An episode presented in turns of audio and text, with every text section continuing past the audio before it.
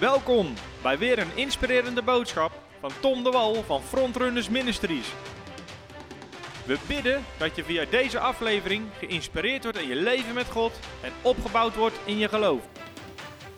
Heer, dank u wel voor vanavond, voor het woord van God, Heer. En ik bid dat het machtig vrucht zal dragen bij de mensenlevens waarin het gezaaid zal worden. Ik bid dat u deze uitzending bij de juiste mensen terecht laat komen. Dat u het onderwijs in hun harten brengt, Heer. En dat het leven zal veranderen. Heilige Geest van God, ik bid voor uw leiding, uw wijsheid en uw kracht in de naam van Jezus. Amen. Amen. Oké, eh, ik had het op mijn hart om een nieuwe serie te beginnen. We hebben, vorige, we hebben een tijd lang hebben we het gehad over gebed, de prayer of faith, het gebed van geloof. En ehm, de laatste keer hebben we het gehad over zeven verschillende soorten gebed. Veel reacties op gehad, veel bekeken. Zeven verschillende soorten gebed, ook om toe te passen in je leven. En ehm, ik, moet ik, ik moet lachen om de reacties. um, uh, maar deze week, ik had op mijn hart, afgelopen zondag uh, in één keer, soms heb je in één keer dat God iets op je hart dropt. En ik wist, ik wist al, de andere series aan het afronden. In één keer had ik een nieuw thema. En het thema wat ik kreeg was sterker, stronger. Een sterker geloof bouwen, een sterke relatie met God en een sterker leven. Een sterker leven. En ik denk dat het vorig jaar was, of ja, vorig jaar. Uh, dat ik sprak in een gemeente en God gaf me deze tekst die op de, de slide staat, 2 Samuel 1 vers 23, voor die gemeente. En het was een tekst die bijzonder sprak tot mijn hart. Het was 2 Samuel 1 vers 23, waar staat um, over Saul en Jonathan wordt er gesproken. Maar er staat, ze waren sneller dan arenden, arenden sterker dan leeuwen. En de Engelse vertaling zegt faster than eagles, stronger than lions. Zo werden ze omschreven. Zo werden die twee helden omschreven. Sterker dan adelaars. Of sneller dan adelaars. Sterker dan leeuwen. En die tekst die greep me aan toen ik daar was en ik gaf dat woord in die gemeente. Dat was hoe God die gemeente wilde oprichten. Maar ook voor ons leven is dit de wil van God. Dat we sneller zijn dan een adelaar in onze wandel met God. En een adelaar is een fascinerend beest. Ik weet, uh, eh, T.D. Jakes heeft een hele serie op YouTube, Soar heet die, waar hij spreekt over de adelaar en dat beeld in de Bijbel. Maar de adelaar die zweeft en als hij een prooi ziet, dan schiet hij erop af. En een enorm snelle, indrukwekkende vogel.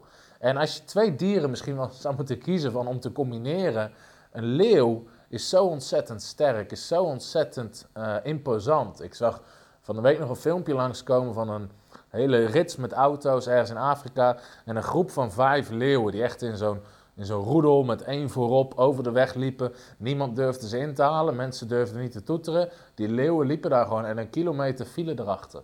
Omdat, weet je, imposant, sterk. Het zijn beesten waar je vooruit de weg gaat als je ze aan ziet komen. Ik ben zelf in Afrika geweest, uh, op campagne, waar we ook op safari zijn geweest. Als je leeuwen ziet, indrukwekkende beesten. Je stapt niet uit je auto, je houdt je hand niet uit het raam. Uh, je hebt respect voor ze. Sterke beesten, zo ook wel de koning natuurlijk van de savanne genoemd. Sterk, indrukwekkend, imposant. En ik denk, zo moeten wij ons gaan zien. Sterker dan leeuwen, sneller dan arenden. En het beeld is altijd van ja, de duivel is een leeuw. Nee, de Bijbel zegt in uh, hoofd 1 Petrus 5 vers 7, hij is als een leeuw. Hij is geen leeuw. Jij bent de leeuw, jij bent sterk als een leeuw. En Jezus, de koning van Juda, de leeuw van Juda, leeft in jou en leeft door jou. Dus dat is mijn gebed, dat je door deze serie, dat het niet alleen informatie is, maar impartatie is in je hart. Dat je sneller zal worden dan een arend als het gaat om de aanwijzing en de richting die God je geeft. En sterker dan een leeuw sterker dan een leeuw. Dat is mijn gebed. En als je dat ontvangt, zeg ik word sneller dan een arend en sterker dan een leeuw. Dus dat is wat het plan van God is voor je leven. En um, wat me opvalt als je kijkt in diensten waar ik spreek, plekken waar ik kom, dat heel veel mensen leven niet zo'n leven met God waarvan je zegt, wauw, die zijn sneller dan arenden, sterker dan een leeuw. Weet je, wat een omschrijving is dat op je leven. Sneller dan arenden, sterker dan een leeuw. En op heel veel plekken waar ik kom, spreek ik mensen, die hebben altijd problemen. Ze hebben altijd gebed nodig. Ze hebben altijd je raad en advies nodig. Um, ze zitten er altijd helemaal onderdoor. Je moet ze iedere dienst weer oppeppen. Um, het gaat nooit lekker. Um, als je ze ook vraagt, weet je wel, wat zegt de Bijbel over situatie, weten ze het niet. Ze zien nooit de bovennatuurlijke hand van God op hun leven. En dat is een hele grote groep die er eigenlijk onder leeft. Nogmaals, ze hebben altijd gebed nodig, altijd advies nodig, altijd raad nodig, altijd problemen. En dat is niet de wil van God. Het is de wil van God dat je sneller bent dan een arend en sterker dan een leeuw in je wandel met God. In plaats van dat je altijd gebed nodig hebt, dat je bidt voor anderen. In plaats van dat je altijd raad en advies nodig hebt, dat je anderen raad en advies geeft. In plaats van dat je eronder zit, dat je er bovenop staat. Dat je leeft uh, aan de top, om het zo maar te zeggen. Dat je leeft, uh, dat je, ondanks dat er uitdagingen zijn, maar dat je sterk staat, sterker dan een leeuw. En dat je gaat en je gaat door op je doel af en dat je er niet altijd onderdoor zit. En dat je het woord van God kent. Uh, dat je de hand van God op je leven ziet. Dat is de wil van God. En je, nogmaals, het is niet erg en het is, zelfs, het is bijbels om uitdagingen te hebben. Het is onbijbels om, om, om verlies te lijden. Het is onbijbels om verslagen te worden, want God is een overwinnaar. En het is niet erg om uitdagingen te hebben, maar het is niet normaal om constant problemen te hebben in je leven. En uh, het is ook niet erg om soms gebed nodig te hebben, of advies nodig te hebben, of raad nodig te hebben. Dat is helemaal niet erg. Maar als je altijd gebed nodig hebt, als je altijd advies nodig hebt, dat je als je met iedere oproep die er is naar voren gaat, omdat je weer iets nodig hebt, weet je, dan is er iets uh, in je wandel met God waar je mag leren om zelf sterk te wandelen met God. Dat je je eigen leven op orde hebt met God. En als je net tot geloof bent gekomen, is het helemaal niet erg. Uh, ik denk zelfs dat de fase is waar je doorheen gaat. Ik als ik kijk naar mijn eigen leven, als je net tot geloof gekomen bent, je hebt veel gebed nodig, veel raad nodig, veel bemoediging nodig. Maar er komt ook een moment dat je op jezelf moet gaan staan en sterk moet worden. Net zoals een kind die opgroeit. Een kind in het begin heeft heel veel raad, heel veel advies nodig, heel veel bemoediging nodig. Als die valt, kom op, we gaan weer. Weet je, we helpen je. En dat dat is goed in die kindfase. Maar het is de bedoeling dat je uit de kindfase komt op een gegeven moment, sterk gaat staan en dat je anderen gaat helpen, net zoals in het normale leven. Maar ik ontmoet mensen die 10, 15, 20 jaar christen zijn, altijd problemen, altijd gebed nodig. Bid hiervoor, broeder. Bid hiervoor. Hou me in gebed. Hou me in gebed. Weet je, dat klopt niet. Dat is niet de plan, dat is niet de wil van God voor je leven. En je, als je hier meer over wil weten, luister ook onze serie Arise and Shine, staat op YouTube. Sta op en schitter. Daar heb ik ook gesproken over Spreuken 4, vers 18. Het pad van de rechtvaardig is als een schijnend licht wat feller en feller schijnt. Jouw leven wordt beter en beter te gaan. Dat is het plan van God. En weet je, soms doet het me zelfs verdriet als ik zie uh, hoeveel mensen er onder de maat van God leven.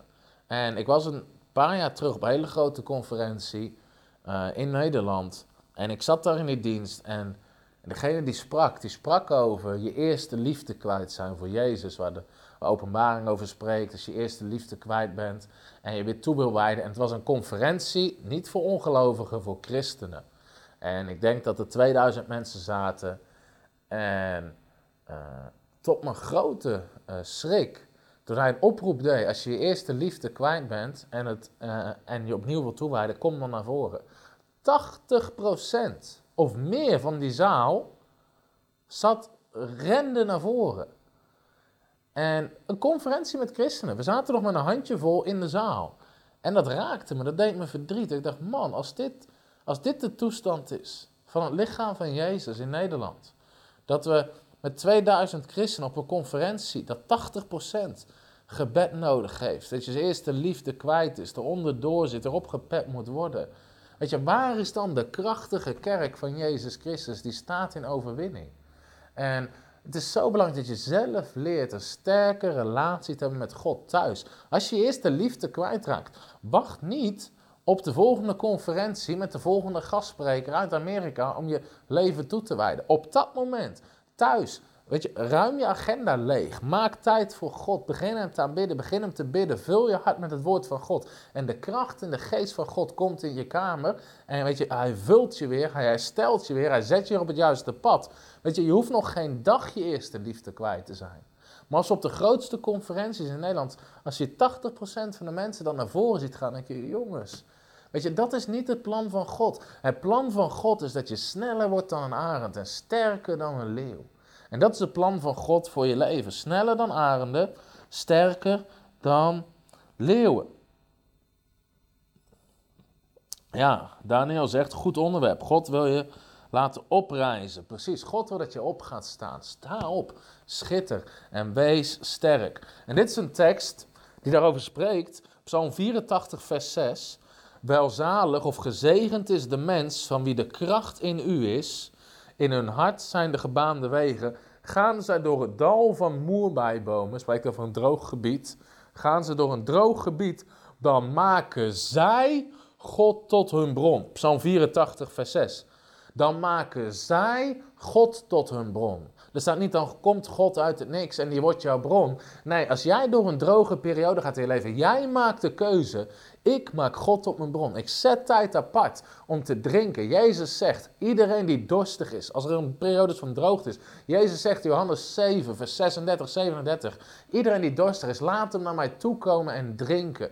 Weet je, je kan naar Jezus toe gaan en drinken van het water van de Heilige Geest. Verfrist worden, weer vervuld worden. Als je gaat door een droog gebied, dan maken zij God tot hun bron. En hij zal de regen overvloedig geven. En ze gaan van kracht tot kracht. En zo zullen ze verschijnen voor God in Sion. En Sion is de stad van God. Ze gaan van kracht tot kracht. En zo zal je verschijnen voor God aan het eind van je leven. Niet van ellende naar ellende, niet van probleem naar probleem. Geen bergen en dalen christendom. Weet je, sommige mensen, als je, als je op de top zit, zeggen ze: Ja, wacht maar, broeder, er komt weer een dal aan. Zeg je: Nee, ik ga van kracht tot kracht, van glorie naar glorie, van heerlijkheid naar heerlijkheid. Dat is het plan van God voor je leven. Jezus had geen bergen en dalen in zijn bediening. Dat de ene dag glorie, halleluja, en de volgende dag ach en wee en Heer, help me. Hij was constant in zijn geloof, in overwinning. Had hij uitdagingen? Ja, maar hij overwon ze. Hij ging van kracht tot kracht, totdat hij verscheen voor God in Sion. Waren er droge periodes? Weet je, dan maakte hij God tot zijn bron. Dan zette hij tijd apart om te bidden, nachten apart om te bidden. En dat is wat wij kunnen doen. Je moet zelf een sterke relatie hebben met God. Weet je, zelfs als je geen kerk, als je kerk weg zou vallen, weet je, heb zelf een sterke relatie met God. Leer zelf het woord te lezen. God heeft prediking ingesteld. God heeft voorgangers, herders, leraar, evangelisten, al die bediening gegeven om de kerk sterk te maken. Maar je moet jezelf ook kunnen sterken in het woord van God. Efeze 6 spreekt daarover. Efeze 6 is misschien wel het bekendste hoofdstuk uit de Efezebrief over de geestelijke wapenuitrusting. Maar het gaat de kern is dat je sterk moet zijn.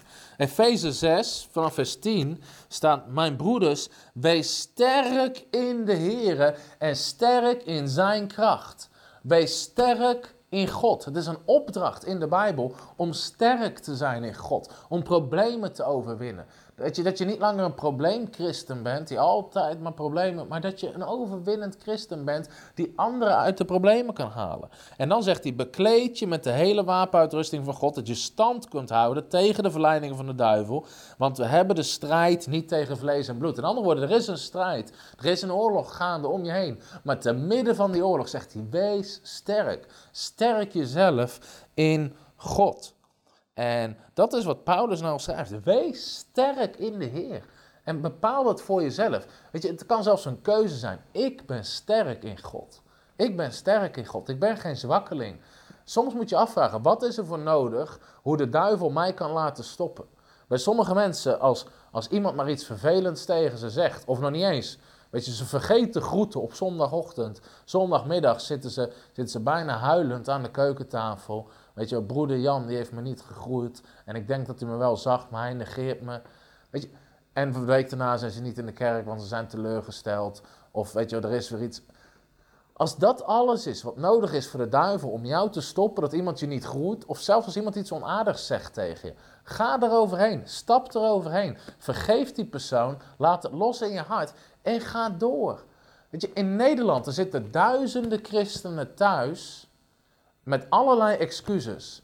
De voorganger heeft dit gezegd, de voorganger heeft het niet goed gedaan. En misschien heeft hij niet iets goed gedaan. Maar wees sterk in God. Wees sterk in God. Niet sterk in je voorganger, niet sterk in je kerk. Wees sterk in de Heer, schrijft Paulus. Je sterkte, je kracht, je bron is God. Niet je voorganger, niet je kerk. God heeft voorgangers gegeven, God heeft de gemeente gegeven. Maar je hebt een persoonlijke relatie met God. Niet via je voorganger, niet via je kerk. Je moet een persoonlijke, sterke relatie hebben met God. Dat je God thuis zoekt, dat je God thuis vindt. Dat dat je ontmoetingplaats is. En op zondag of welke dag in de week je het ook doet, ontmoet je je broeders en zusters in het geloof en ben je samen sterk in God. De kerk op zondag is niet een huilclub. We komen bij elkaar en het is zwaar, het is moeilijk, maar op een dag komen allemaal in de hemel en is alles goed. Dat is niet waar de kerk voor bedoeld is. Jezus zegt in Matthäus 16, vers 18 over de gemeente: Dit is mijn gemeente en de poorten van de hel zullen over haar niet zegevieren. De gemeente die Jezus Christus voor ogen heeft, is een sterke gemeente die het werk van de duisternis terugdringt, die een licht is in de wereld. Jezus zei tegen ons: Wees een licht in de wereld. Niet wees een licht in de kerk, wees een licht in de wereld. Dat betekent dat mensen uit de wereld naar jou kijken en het licht en de goedheid en de gunst van God op je leven zien. Niet dat je er altijd onderdoor zit en ze denken: Ja, maar ja, weet je, die wandelt met God, altijd zwaar, altijd moeilijk op zondag, weet je wel ook nog eens een keer gebukt naar de kerk. Dat je het licht bent van de wereld. Sneller dan arenden, sterker dan leeuwen. Dat is het getuigenis van Jezus Christus op aarde. Mensen uit de wereld kwamen constant naar Jezus toe. Mensen uit de wereld kwamen constant naar de apostelen toe, omdat ze iets hadden wat zij niet hadden. De Bijbel zegt in Handelingen 5, vers 16 dat ze legden zelfs de zieken op straat. Gewoon mensen legden zieken op straat in de hoop dat de schaduw van Petrus op ze viel. Petrus was zo sterk in zijn leven met God dat zijn schaduw de kracht had om ziekte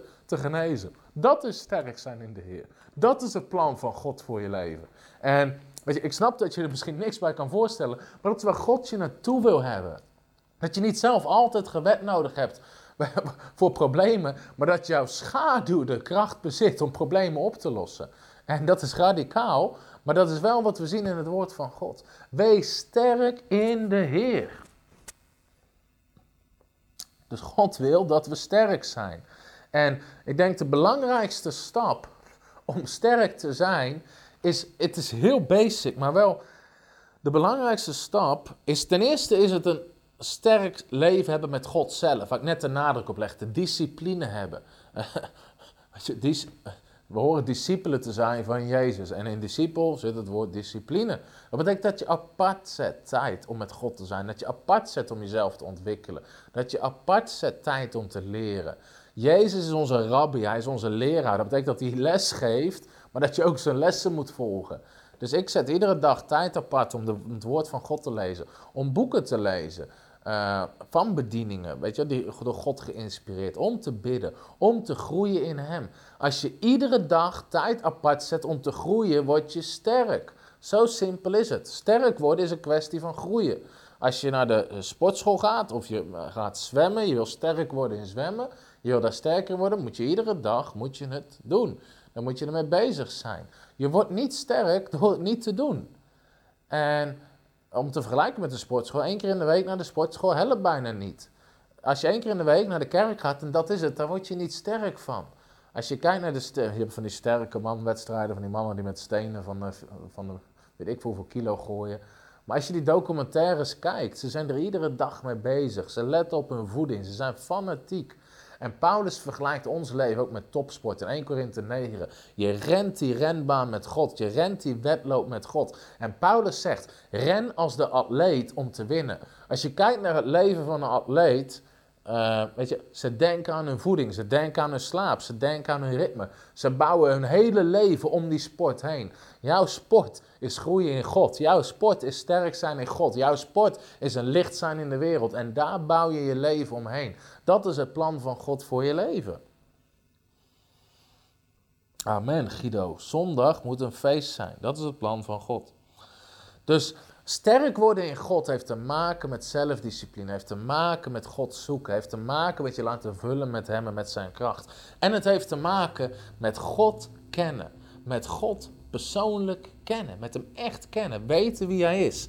Daniel 11, vers 32, daar staat, en ik vertaal hem uit de King James versie, zij die hun God kennen, zullen sterk zijn en grote daden doen. De Engelse zegt, they that know their God shall do exploits in his name, zullen massieve daden doen in zijn naam. Zij die hun God kennen. Zij die hun God kennen. En het heeft te maken met het openbaring van wie God is. God daadwerkelijk kennen. En dan zal Hij door je leven heen gaan stromen. En weet je, je geloof in God is iets heel persoonlijks. Andere mensen kunnen het je uitleggen, andere mensen kunnen tegen je prediken. Je ouders kunnen het je uitleggen. Maar geloof in God, geloof hebben is iets persoonlijks. Paulus schrijft in 2 Timotheus 1, vers 12, daar zegt hij: Ik weet wie ik geloofd heb. Ik weet wie ik geloofd heb. En dan refereert hij naar God die hem uit zijn problemen verlost. Hij zegt niet, ik weet wat ik geloofd heb. Weet je, genezing is geen doctrine op zich wat je gelooft. Het is een onderdeel van je godsbeeld. Jehovah Rafa, de geneesheer. Ik weet wie ik geloofd heb. Het zit in zijn identiteit. Het is wie hij is. Het is mijn godsbeeld. Hij is mijn God. En vanuit daaruit stroomt het leven. En dat Paulus zegt, ik weet wie ik geloofd heb. Ik weet wie ik geloofd heb. En een sleutel om sterk te zijn in God is om een sterk godsbeeld te hebben. En als je gelooft dat heel dit leven op aarde, weet je, je wandelt met God, maar ja, het is moeilijk, het is zwaar, het is lastig, weet je, het is ook allemaal wat. En weet je, we moeten ook wachten tot de dag dat we in de hemel komen en dan op die dag nooit meer tranen, nooit meer pijn. Maar tot die tijd, jongen, jongen, jongen, lijden, vervolging, zwaar, heftig, moeilijk, weet je, kruis opnemen. Als dat je beeld is van God, dan is dat wat je krijgt. Maar als jouw beeld is, als God voor mij is, wie zal er tegen mij zijn? Ik heb de Heilige Geest als mijn leider, mijn wijsheid, degene die me richting geeft. Ik heb de gave van de Geest in me. Ik heb de gave, de werking van wonderen, de werking van krachten, van genezingen, woorden van kennis, woorden van wijsheid. Ik heb de vrucht van de Geest in mijn karakter. God heeft me bekrachtigd. Hij heeft me alles gegeven. Galaten 1 vers 3 zegt hij heeft me gezegend met alle geestelijke zegeningen. De zegen van Abraham is op mijn leven. De kracht van God is op mijn leven. Ik ga van kracht tot kracht, van glorie naar glorie. Ik word veranderd naar zijn beeld. Als ik handen leg op zieken, zullen ze genezen. Als ik demonen aanspreek, zullen ze eruit gaan. Als dat je beeld is van God, dan is dat wat je hebt in je leven. Je bent niet zomaar een christen. Je bent een geestvervulde, zieke genezende, duivel uitdrijvende, in de gunst van God wandelende christen. Dat is het plan van God voor je leven. Dat is hoe God wil dat we functioneren in deze wereld. Je God kennen, sterk zijn en grote daden doen in zijn naam. Halleluja, preached myself happy. Maar je godsbeeld is zo belangrijk. En voor deze uitzending zat ik na te denken over 1 Samuel 17, waar misschien wel een van de bekendste verhalen uit de Bijbel staat, wat ook iedere atheïst kent. Het verhaal van David en Goliath. En als je het verhaal van David en Goliath leest, David was een Israëliet, maar het hele volk tegen de Filistijnen waren allemaal Israëlieten. En waarom is David degene die die reus verslaat? Heeft te maken met zijn godsbeeld. Heeft te maken met wat zijn idee is van wie God is en wat zij, wat het idee is van de rest van het volk. En dit is een uitspraak. Ik denk dat ik hem de komende tijd vaak ga herhalen. En Iedereen die les van mij krijgt op de Bijbelschool, fulltime of parttime, kent deze uitspraak. Ik wil dat je hem nooit vergeet. De uitspraak is: It's not luck, it's light. It is not luck, it is light. Het is geen geluk, het is openbaring wat jou een overwinnaar maakt. Was het geluk dat David Goliath versloeg en de rest niet? Nee, het had te maken met openbaring. Licht spreekt van openbaring. Paulus bidt in Efeze 1, vers 17: Ik bid dat de ogen van je hart vol licht zullen zijn, vol openbaring zullen zijn. Dat het licht van God erop schijnt. Weet je, als, je, als het donker is en je pakt een zaklamp en je doet het licht aan, dan, kan je, dan worden dingen openbaar. Je schijnt erop en, het, en, je, en je ziet het. Dat is wat openbaring doet. Het licht van God schijnt ergens op en je ziet het. Het is geen geluk dat David Goliath versloeg. Het was openbaring van wie God is. Is het geluk dat ene christen wandelt in overwinning, in de zegen van God, dat zijn gebeden verhoord worden, weet je, dat, dat zijn leven goed lijkt te gaan en de andere het zwaar heeft? Nogmaals, er kunnen testen, momenten zijn van test en beproeving, daar heb ik het niet over, maar over het algemeen over langere periode. It is not luck, it is light. Sommige kerken, echt waar, en ik geef niet af op de kerk. Maar ik ben in kerken waar ik als gastspreker kom, uh, waar ik ben geweest, waar meerdere malen ben geweest, waar ik vijf, zes keer kom. En iedere keer als ik er kom, zit heel die gemeente eronder. De liederen gaan over het is moeilijk, het is zwaar, maar we wachten totdat Jezus terugkomt en tot we later in de hemel zijn. Zelfs de getuigenissen zijn negatief. Weet u, broeders en zusters, ik ben onlangs door een scheiding gegaan, maar ik, weet je, ik ervaar dat God mijn hart alweer aan het genezen is. Ik mag mijn kinderen nog niet zien, maar ook daar uh, geloven we, God, wat willen jullie meebidden? Weet je, de voorganger is altijd van, weet je, we, we hebben een zware week gehad, maar gelukkig zijn we bij elkaar. Weet je, alles draait om dat thema. En heel die gemeente zit eronder. Dat is wat ze hebben. En ik kom ook in gemeentes waar, men, weet je, waar gezongen wordt: Jezus is overwinnaar, Hij is onze Heer. We staan sterk op de rots, Jezus Christus. We prijzen God voor de overwinning. We danken God voor genezing. Prijs God dat we bij elkaar zijn. Komende week verwachten we de zegen, de gunst en de goedheid van God op ons werk, in ons privé en in ons leven. Weet je, en dat soort gemeentes, de mensen die erin zitten, staan boven de omstandigheden. Je krijgt wat je preekt. Je krijgt wat je gelooft. It is not luck. Het is niet geluk dat dan in die ene gemeente mensen positief zijn en de andere gemeente negatief. Nee, het heeft te maken met openbaringslicht vanuit God. Halleluja. Terug naar David en Goliath. Het is geen geluk dat David Goliath versloeg. David had een ander beeld van God dan alle andere Israëlieten die daar stonden te kijken. Jij kan een ander beeld hebben van God dan alle mensen om je heen. De Bijbel zegt in 1 Samuel 17, vers 11, ik denk dat vers 11 is uit mijn hoofd. Ja. Toen de andere Israëlieten de woorden van de Filistijn hoorden, werden ze zeer bevreesd. Toen de andere Israëlieten de woorden van de Filistijn van Goliath hoorden, werden ze zeer bevreesd. Ze werden angstig, ze werden bang. En daarvoor beschrijft het helemaal wie Goliath was, hoe groot zijn speer was, hoe groot zijn zwaard is, hoe groot, ze, hoe groot, zijn, zijn, eh, hoe groot hij zelf is. Enorme reus, indrukwekkende wapens. En de Bijbel zegt, heel het volk werd zeer bevreesd toen ze naar hem keken.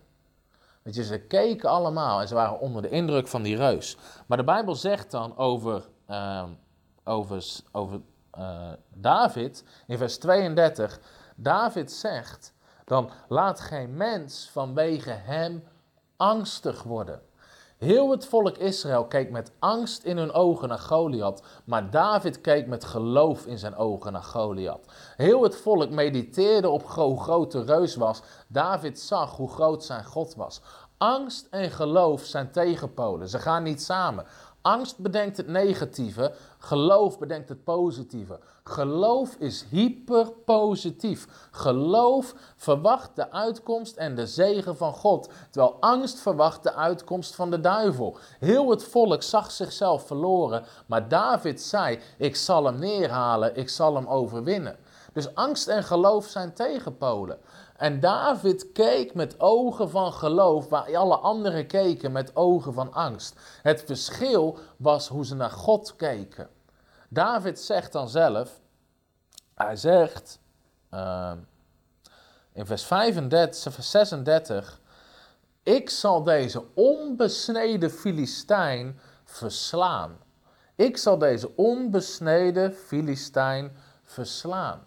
David zag dat Goliath niet besneden was. Hij wist dat Goliath bij de Filistijnen hoorde. Hij had geen verbond met God. Besnijdenis was destijds een teken van het verbond met God. En David zegt: Hij heeft geen verbond met God. Ik wel. Ik weet wie er aan mijn kant staat. De Allerhoogste God staat aan mijn kant. En hoe groot die kerel ook is, hoe intimiderend ook die ook is, God staat aan mijn kant en daardoor ben ik overwinnaar. David had een ander godsbeeld waardoor hij in overwinning wandelde. Weet wie jouw God is. Zij die hun God kennen, zullen grote daden doen. Besef wie de God is die aan jouw kant staat. Het is de God die hemel en aarde gemaakt heeft. Het is de God die Noach redde te midden van een hele generatie. Het is de God die Abraham zeer rijk maakte. Het is de God die Mozes tegen de farao liet opstaan en een heel volk bevrijdde door de Rode Zee. Het is de God die voor een miljoen mensen zorgde in de woestijn, die het manna liet regenen, kwartels liet regenen, water uit de rots liet komen. Het is de God die Simson hele legers liet verslaan. Het is de God die Elia vuur uit de hemel liet regenen. Het is de God die Lazarus opwekte uit de dood. Het is de God die bij Jozua de zon deed stilstaan. Dat is de God die aan jouw kant staat. En de Bijbel zegt, als Hij voor ons is, wie kan het tegen ons zijn? Wie heeft er de macht om iets tegen ons te doen? Wie heeft de macht om iets uit te maken in jouw leven als de hand van die God op jouw leven is? En het probleem is vaak dat we God feitelijk kennen. We kennen de verhalen van David en Goliath, we kennen de verhalen van Elia. Maar het is geen persoonlijke openbaring dat diezelfde God aan jouw kant staat in jouw leven. Jezus had dat besef wel. Hij wist, hij was zelf God. Hij, had een juist speelt. Hij wandelde in juiste relatie met de Vader. En Jezus overwint alles wat op zijn pad komt. Sterk christendom. Sterk christendom. En weet je, dat volk Israël zit te mediteren op hoe groot de Filistijn is. Terwijl David zat te mediteren, zijn hart te vullen met hoe groot zijn God is. We hebben allemaal de keuze waarmee we ons hart vullen. Hoe groot de moeilijkheden zijn, hoe groot de uitdagingen zijn, of hoe groot onze God is. Als ik een financiële uitdaging heb, of in geloof sta voor iets, omdat we personeel moeten betalen, pand betalen, ik ga niet kijken naar wat ik niet heb. Ik ga niet kijken naar hoe hoog de rekeningen zijn. Ik ga kijken naar mijn beeld van God. Ik begin te mediteren op de God die voor een miljoen, weet je, alleen daar, als ik alleen daarover nadenk. God onderhield een miljoen mensen in een woestijn. De Bijbel zegt, hij liet water komen uit de rots. Hij liet het kwartels regenen uit de hemel. Hij liet het manna regenen. Weet je, alleen als ik daarover nadenk, denk ik, oh, je, wat God, voor God, wat wij nodig hebben om onze bediening te draaien, is voor God een lachetje. De Bijbel zegt ook in Psalm 2, hij zit op zijn troon en hij lacht. Als je dat beeld hebt van God, als je daar je hart mee vult, die begint hem te prijzen. Dank u wel, dat u altijd voorziet in overvloed. U voorzag voor een miljoen mensen in de woestijn. Dit is easy voor u en daarom dank ik u ervoor. Weet je, ik ga me niet kijken naar hoe hoog mijn rekeningen zijn. Ik ga kijken naar hoe hoog de rekening is die God heeft in de hemel. En de Bijbel zegt, hij voorziet overeenkomstig zijn rijkdom in alles wat ik nodig heb. En al is de ene maand 20.000 euro, de andere maand 15.000 euro. Hij voorziet in alles wat we nodig hebben. Ik zit te mediteren op het beeld van God. De Bijbel zegt in Timotheus, weet je, al die teksten ken ik uit mijn hoofd omdat ik erop mediteer. De Bijbel zegt in Timotheus, hij heeft je geroepen als een soldaat in zijn koninkrijk, dus hij zorgt voor je en daardoor hoef je nooit zorgen te maken, daardoor hoef je nooit verwikkeld te zijn in de zorgen van het leven. Ik hoef niet na te denken, hoe ga ik mijn personeel betalen deze maand? Hoe ga ik mijn pand betalen deze maand? Hoe ga ik de campagne die we daar gaan doen, waar ga ik die van financieren? Hij heeft ons geroepen, hij is onze backup, God is verantwoordelijk. En dat is waar ik op mediteer. En dat is hoe ik wandel met God. Ik denk na over hoe groot mijn God is. Ik denk na over wat wil God dat ik doe. Als we een campagne plannen om mensen te bereiken, ik plan niet hoe kunnen we dit zo goedkoop mogelijk doen. Ik dit te denken, hoe kunnen we zo goed mogelijk die mensen bereiken? Want dat is de opdracht die God mij heeft gegeven. God heeft me een opdracht gegeven om deze boodschap van geloof eruit te krijgen. En ik zit, wij zitten na te denken met ons team op kantoor, hoe kunnen we dit zo goed mogelijk doen? Hoe kunnen we zoveel mogelijk mensen bereiken? Hoe kunnen we zo hoog mogelijke impact? En die impact is hoger en de kwaliteit is hoger en we bereiken meer mensen met goede camera's, een goede studio, goede belichting, betaalde mensen in dienst die het verwerken, die het doen. Weet je, dat is de opdracht die God mij heeft gegeven. En ik mediteer op de God die me geroepen heeft. Op de, het heeft te maken met je beeld van God. God heeft me een opdracht gegeven om deze boodschap eruit te krijgen. Om mensen te bereiken met geloof. Om mensen uit ellende te trekken. In overwinning te helpen. En de opdracht is: doe het zo goed mogelijk. Bereid zoveel mogelijk mensen. Predik dit woord. Dat is de opdracht van God. En als ik doe wat God van me vraagt, ik heb een juist beeld van God, dan hoef ik me nergens anders zorgen over te maken. Ik wandel in zijn wil, hij staat aan mijn kant, hij kan een miljoen mensen voorzien. Ik doe wat hij van me vraagt en daardoor zorgt hij voor me. Het heeft te maken met je beeld van God. Dit stond allemaal niet in mijn aantekeningen, uh, maar Ik geloof dat de geest van God ons leidt. Als je hierdoor gezegend bent, typ amen.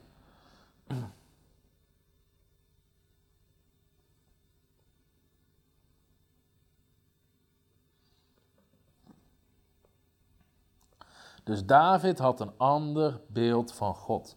David had een ander beeld van God. En we mogen leren om te leven in de kracht van God.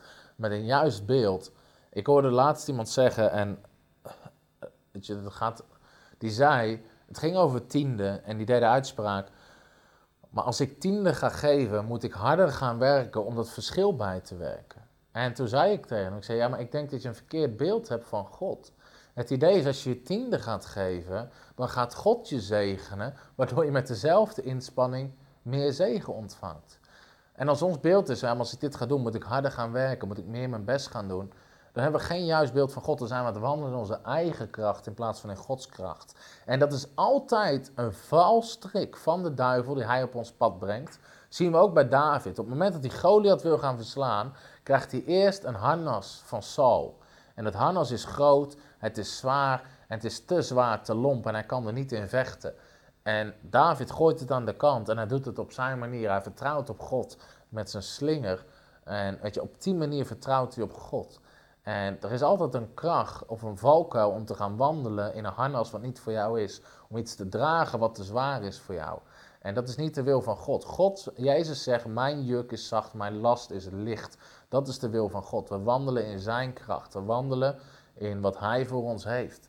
Daarom hoef ik me niet zorgen te maken over mensen me uitnodigen om te spreken of waar de financiën vandaan komen. Ik vertrouw op zijn kracht. Ik vertrouw op zijn macht. Ik heb nog nooit iemand op hoeven te bellen om te vragen voor geld om deze maand rond te komen. Nog nooit. En ik zal nooit iemand opbellen om te vragen voor geld om deze maand rond te komen. God zorgt voor me. Ik wandel in zijn kracht, niet in mijn eigen kracht. En dat is iets wat we mogen leren in ons leven met God. Dus wandelen in de kracht van God. En betrek God actief bij je leven. Bid voor zaken. Weet je, als je een probleem hebt, kijk wat zegt het woord van God erover. Bid ervoor. Weet je, ga staan in overwinning. Afgelopen zondag kwam er nog een koppel naar me toe, een jong koppel. En met tranen in hun ogen. Ik had gesproken in de gemeente. Weet je, we hebben huwelijksproblemen, het gaat niet goed. Weet je, en ik zeg, weet God wil je hele huwelijk omkeren. Waarom kan ik dat zeggen? Omdat ik een beeld heb van God die huwelijk herstelt, die mensenlevens herstelt. Die komt met de vrucht van de geest, met de kracht van zijn geest om mensen eruit te trekken. Dus ik zei, weet je, ten eerste adviseerde ik ze om hulp te zoeken, ook dat andere mensen ze daarmee gingen helpen. Maar daarnaast ook dat je ga samen sterk staan in God. Kijk, wat is echt het probleem waar we tegenaan lopen? Wat zegt het woord van God erover? Begin er zelf over te bidden. Heer, verander mij. Begin er samen over te bidden. Ga hulp zoeken van, van mensen die wijsheid hebben in dat onderwerp. En kom als een overwinnaar uit de strijd. En laat dat je getuigenis zijn. Ik ga van kracht tot kracht. Mijn huwelijk wordt beter en beter. Weet je, er zijn leugens uit de wereld die de duivel je vertelt. Als je, tot, als je een relatie krijgt, ja, wacht maar, de eerste paar jaar is het leuk. Uh, maar daarna, weet je, neemt de verliefdheid af en is het gewoon. Dat is niet het plan van God. Het plan van God is dat je relatie bloeit en bloeit en bloeit en sterker en sterker en dieper wordt. Dat is het plan van God. Kijk wat het woord van God zegt erover. Kijk hoe God kijkt naar dingen. En dat is wat je leven zal veranderen. Dus mediteer op wie God is. Mediteer op wie God is. Waarom? Je handelt altijd in openbaring van je godsbeeld. Je handelt altijd in openbaring van je godsbeeld. Er zijn heel veel mensen in Nederland, prijs God, die God kennen als hun redder. En ze hebben redding ontvangen, maar ze kennen God niet als geneesheer, dus ze hebben nooit genezing ontvangen. Op het moment dat je daar God als geneesheer aan gaat toevoegen, dan ga je in één keer ook genezing ontvangen. Ga je God voor genezing geloven? Ga je bidden voor mensen, je gaat resultaat zien. Heeft te maken met je godsbeeld. Ik kende God zelf jarenlang als, misschien niet eens als redder, maar ik wist God bestond. En, en weet je wel, maar ik deed er niks mee in mijn leven. En die eerste fase is God als redder. Wacht eens, hij wil, hij wil mij redden. Hij wil me helpen uit mijn problemen. Hij wil me lostrekken uit mijn zonde, uit het egoïsme waar ik in leef. Weet je wel, uh, ik was geen fijn persoon voordat ik gered werd. Wil God me hier uithalen? Wil God mijn leven veranderen? Wil hij mijn situatie veranderen? Is mijn puinhoop die ik heb gecreëerd niet te groot? En door te prediken, door mensen tegen me predikten, kwam er geloof in mijn hart. Daarom zegt de Bijbel dat prediking zo belangrijk is in Romeinen 10, want het zorgt voor geloof. En op een gegeven moment geloofde ik, oké, Heer, u wil mij redden. En ik ging naar God toe en ik ontving mijn redding. Hij herstelde mijn leven. Ik, herken, ik leerde God kennen als redder. Ik kende God niet als leider van mijn leven, als leidsman. Uh, dus ik hoorde de stem van God niet. Ik wist niet hoe dat werkte. Pas toen mensen begonnen me te vertellen: hé, hey, maar God spreekt en zijn geest wil je leiden. Dan ga je God leren kennen als leidsman. En als dat beeld aan jouw godsbeeld wordt toegevoegd, ga je het ook ontvangen in je leven. Um, ik had nooit iets gehoord over genezing. Ik kende veel mensen in mijn omgeving, in mijn eigen familie, die overleden waren. Uh, ook wel heftige dingen meegemaakt. Maar nooit iemand had me verteld dat God wilde genezen. Totdat iemand begon te prediken, hij is Jehovah Rapha, hij is de geneesheer. En in het begin was ik onbekend met, maar ik ging het luisteren. Ik zag het in de Bijbel en ik voegde God als geneesheer aan mijn leven toe. En ik heb zoveel wonderen van genezing zien gebeuren. Omdat dat deel van God, God is een, soms is God zelfs te groot om te bevatten, maar al die aspecten wil hij toevoegen aan je leven. Toen leerde ik God kennen als Jehovah Jireh, de Heere die voorziet. Hij wil voorzien in je leven. Hij wil je zegenen. Hij wil je helpen. Weet je, de zegen van de Heer maakt rijk. Spreuken 10, vers 22. En dat werd aan mijn godsbeeld toegevoegd. Mijn punt is dit. Als we een deel van een godsbeeld missen, ontvangen we het ook niet. It is not luck, it is light. Het is openbaring over God als voorzienaar die in je leven gaat werken. Het is openbaring over God als geneesheer wat in je leven gaat werken. Het is openbaring over God je sterkte dat is ook een van de namen van God. Ik ben de Heere je burcht. Ik ben de Heere je sterkte. Als ik weet ik heb kracht nodig, ik moet gesterkt worden, ga ik niet naar mijn voorganger toe, ik ga naar God toe. Hij is mijn sterkte. De Bijbel zegt niet de pastor je sterkte, de priester je sterkte, je oudste je... Nee, de Heere je sterke burcht. Ga naar hem toe om sterk te worden. En ik zie dat we alweer drie kwartier bezig zijn. Ik wil nog, één, nog twee dingen met je delen. Over wat mijn leven heeft veranderd om sterk te worden in God. Dat zijn twee besluiten die met elkaar te maken hebben. Het eerste besluit is dit. Ik heb besloten, ik wil alles ontvangen wat God heeft voor mijn leven. Ik wil alles ontvangen wat God heeft voor mijn leven. Toen ik erachter kwam welke zegeningen God allemaal heeft. Hier, laat me deze tekst lezen. Efeze, ik denk dat Efeze 1 vers 3 is. Efeze 1, vers 3, daar staat, God heeft ons gezegend met allerlei geestelijke zegeningen die al in de hemel voor ons klaar liggen in Christus Jezus. En ik besefte me, God heeft allerlei zegeningen voor mijn leven. Dat hij tegen me wil praten, dat hij omgang wil hebben, dat hij me wil genezen, maar ook dat hij door mij heen mensen wil genezen. Dat hij me wil helpen. Weet je, en ik besloot, ik wil alles ontvangen wat God voor mijn leven heeft. Ik wil wandelen in mijn volledige roeping. De Bijbel zegt ook in Efeze, hij heeft goede werken voor ons voorbereid. Nou klap ik wel weer mijn Bijbel dicht, maar ik wil dat je die teksten leert kennen. Want het woord is vaste grond onder onze voeten. Efeze 2 is dat uit mijn hoofd. Vers 2. Uh, even kijken. Nee, het is niet vers 2. Efeze 2, vers 10. Wij zijn zijn schepping gemaakt om de goede werken te doen die God voor ons voorbereid heeft, opdat wij daarin zouden wandelen. Dus ik besloot, als God me wil zegenen, als God me wil leiden en als Hij iets voor mij voorbereidt om te doen, ik wil alles ontvangen in mijn leven wat God voor me heeft. Ik wil laten niet in de hemel komen dat God zegt, Tom, ik had zoveel meer voor je. Weet je, er was zoveel meer voor je om te doen. Er was, ik wil alles ontvangen in mijn leven wat God voor mijn leven heeft. Ik wil niks achterlaten. Net zoals Jezus zei in Johannes 17, vers 40 uit mijn hoofd. Het is volbracht. En dan zegt Jezus, net als later in Johannes, maar in Johannes 17, vers 40 zegt hij: Ik heb de taak volbracht die u mij gegeven heeft om te doen.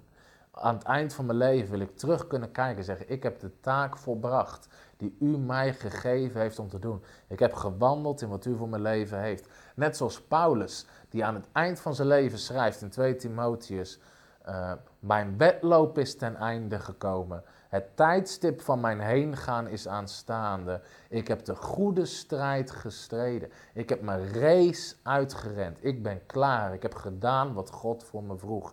En ik heb besloten in mijn leven over sterk zijn in God. Ik wil alles ontvangen wat God voor mijn leven heeft. En daaraan vastgekoppeld, ik hoef niks van de duivel in mijn leven. Ik wil ontvangen wat God voor me heeft, maar ik weiger te ontvangen wat de duivel wil dat ik heb in mijn leven. Ik weiger me te laten remmen door de tegenstand van de duivel. Ik weiger me te laten remmen door de plannen van de duivel. Dus dat is wat ik echt op mijn hart had om te delen. Ken je God. Heb een sterke relatie met God. Sterk jezelf in God. En besef wie aan jouw kant staat. En ik geloof dat we krachtige sleutels hebben gegeven deze uitzending voor je leven met God. En voor een nieuwe serie die we gaan starten. Stronger. We worden sterker in God. We gaan naar een hoger niveau in God. We gaan grotere overwinningen zien dan ooit tevoren. Want we worden sterker. Sneller dan arenden. Sterker dan leeuwen. Zoals 2 Samuel 1 vers 23 zegt. We worden sterker dan arenden. En, of sneller dan arenden. Sterker dan leeuwen. Hallo, Tom de Wol hier en bedankt dat je weer geluisterd hebt naar onze podcast. Ik bid dat het je geloof gebouwd heeft en je bemoedigd bent. Als je niet alleen een luisteraar van onze boodschap wil zijn, maar ook een verspreider daarvan, wil ik je uitnodigen om partner te worden van Frontrunners. Door jouw maandelijkse donatie help je ons om dit evangelie van Jezus Christus en het woord van God over heel de aarde te brengen. Om partner te worden, ga naar www.frontrunnersministries.nl slash partners en word partner. Hartelijk bedankt en tot snel. Heb je ook zo genoten van deze inspirerende boodschap van Tom de Wal? Abonneer je dan op deze podcast. Volg ons op Facebook en op Instagram en kijk op onze website frontrunnersministries.nl.